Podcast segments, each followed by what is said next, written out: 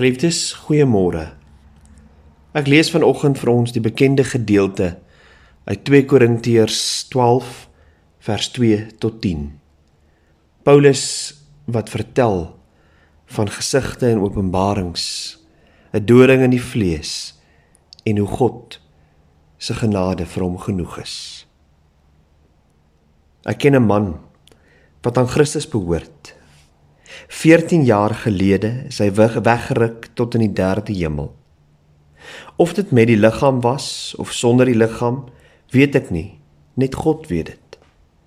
Ek weet ook dat hierdie man weggeruk is na die paradys toe.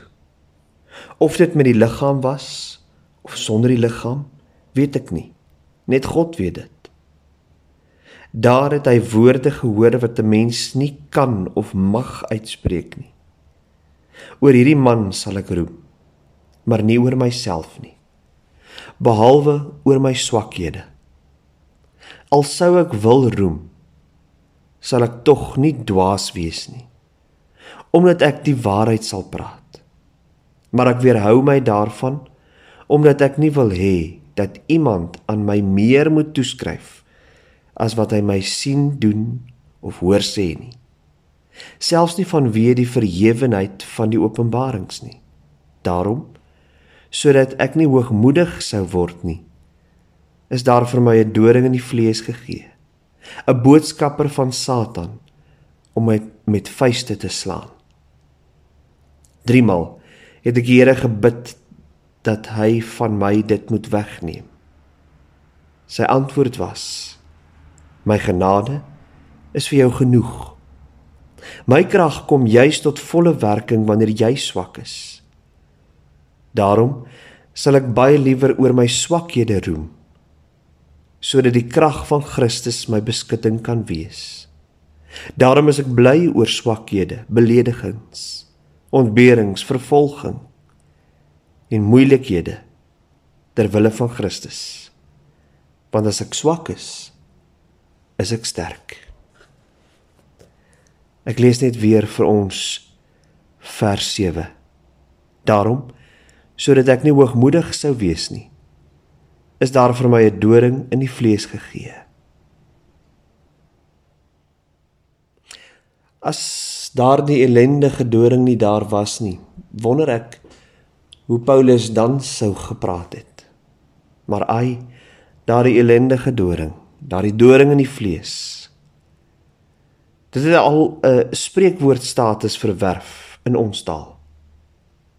En eintlik wêreldwyd in baie tale, baie kulture word dit gebruik om 'n ongewenste ongerieflikheid te beskryf.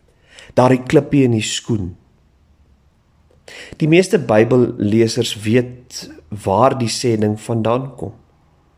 En dalk selfs ook wie dit oorspronklik gebruik het en waar maar selfs hulle, die Bybellesers, ons ons is maar min gepla met Paulus se raaiselagtige verwysings na gesigte en openbarings. Die wegruk na die derde hemel, die paradys. En of dit nou met of sonder die liggaam geskied het, nee, ons is nie daarmee gepla nie. Ons oë flits daarby verby reguit op pad na ja, die doring in Paulus se vlees. Die Satans gesand wat hom met vuiste vuiste slaan. En die hele tyd wonder ons, wat was daardie doring? Was hy dalk aan blind word, soos sommige geleerdes sê? Het hy dalk epileptiese aanvalle gekry? Jy weet, sal sommige slimmes sê en net soms met 'n knipoog. Paulus was nooit getroud nie, né? En so word daar gespekuleer selfs geskerts. Want ons wil nou eenmal weet wat was fout. Ook maar mens nê nee? ook maar nuuskierig. Ook maar dom.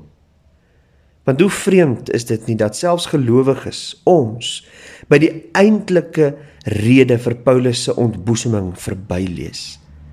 Hoe hy na vele pleidooie voor die Here moes val en moes hoor my genade is vir jou genoeg vers 9. Ons lees bo oor die evangelie broers en susters. Dat God se krag in ons swakheid uiteindelik sigbaar word. Dat geestelike belewennisse nie ons geloof se enigste voedingbron is en kan wees nie. Dat kampioen geloof nie bestaan nie. Dit sê Paulus vir ons in hierdie gedeelte.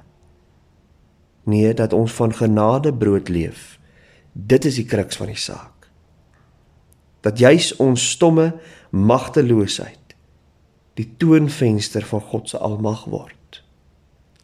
Wat is jou doring in jou vlees? Wat pla? Wat hinder jou? Wat weerhou jou soms van 'n lewe toegewy aan God? Wat verstrik jou? Hoor vanoggend weer die woorde. As God met Paulus praat. My genade is vir jou genoeg. My krag kom juis tot volle werking in jou wanneer jy swak is. Kom ons bid saam. Ons trou God en Hemelse Vader. Alles is dit vir ons soms moeilik om dit te verstaan. Wil ons tog vanoggend sê dankie Here dat daar soms 'n doring in ons vlees is, 'n klip in ons skoen. Want dan is juis dan wanneer ons dikwels en so baie met pleidooie en smeekgebede na U toe kom. Net om te hoor Wie my kind, my genade is vir jou genoeg. Help vir ons om uit daardie genade te leef. Met daardie genade ook deur hierdie dag te gaan.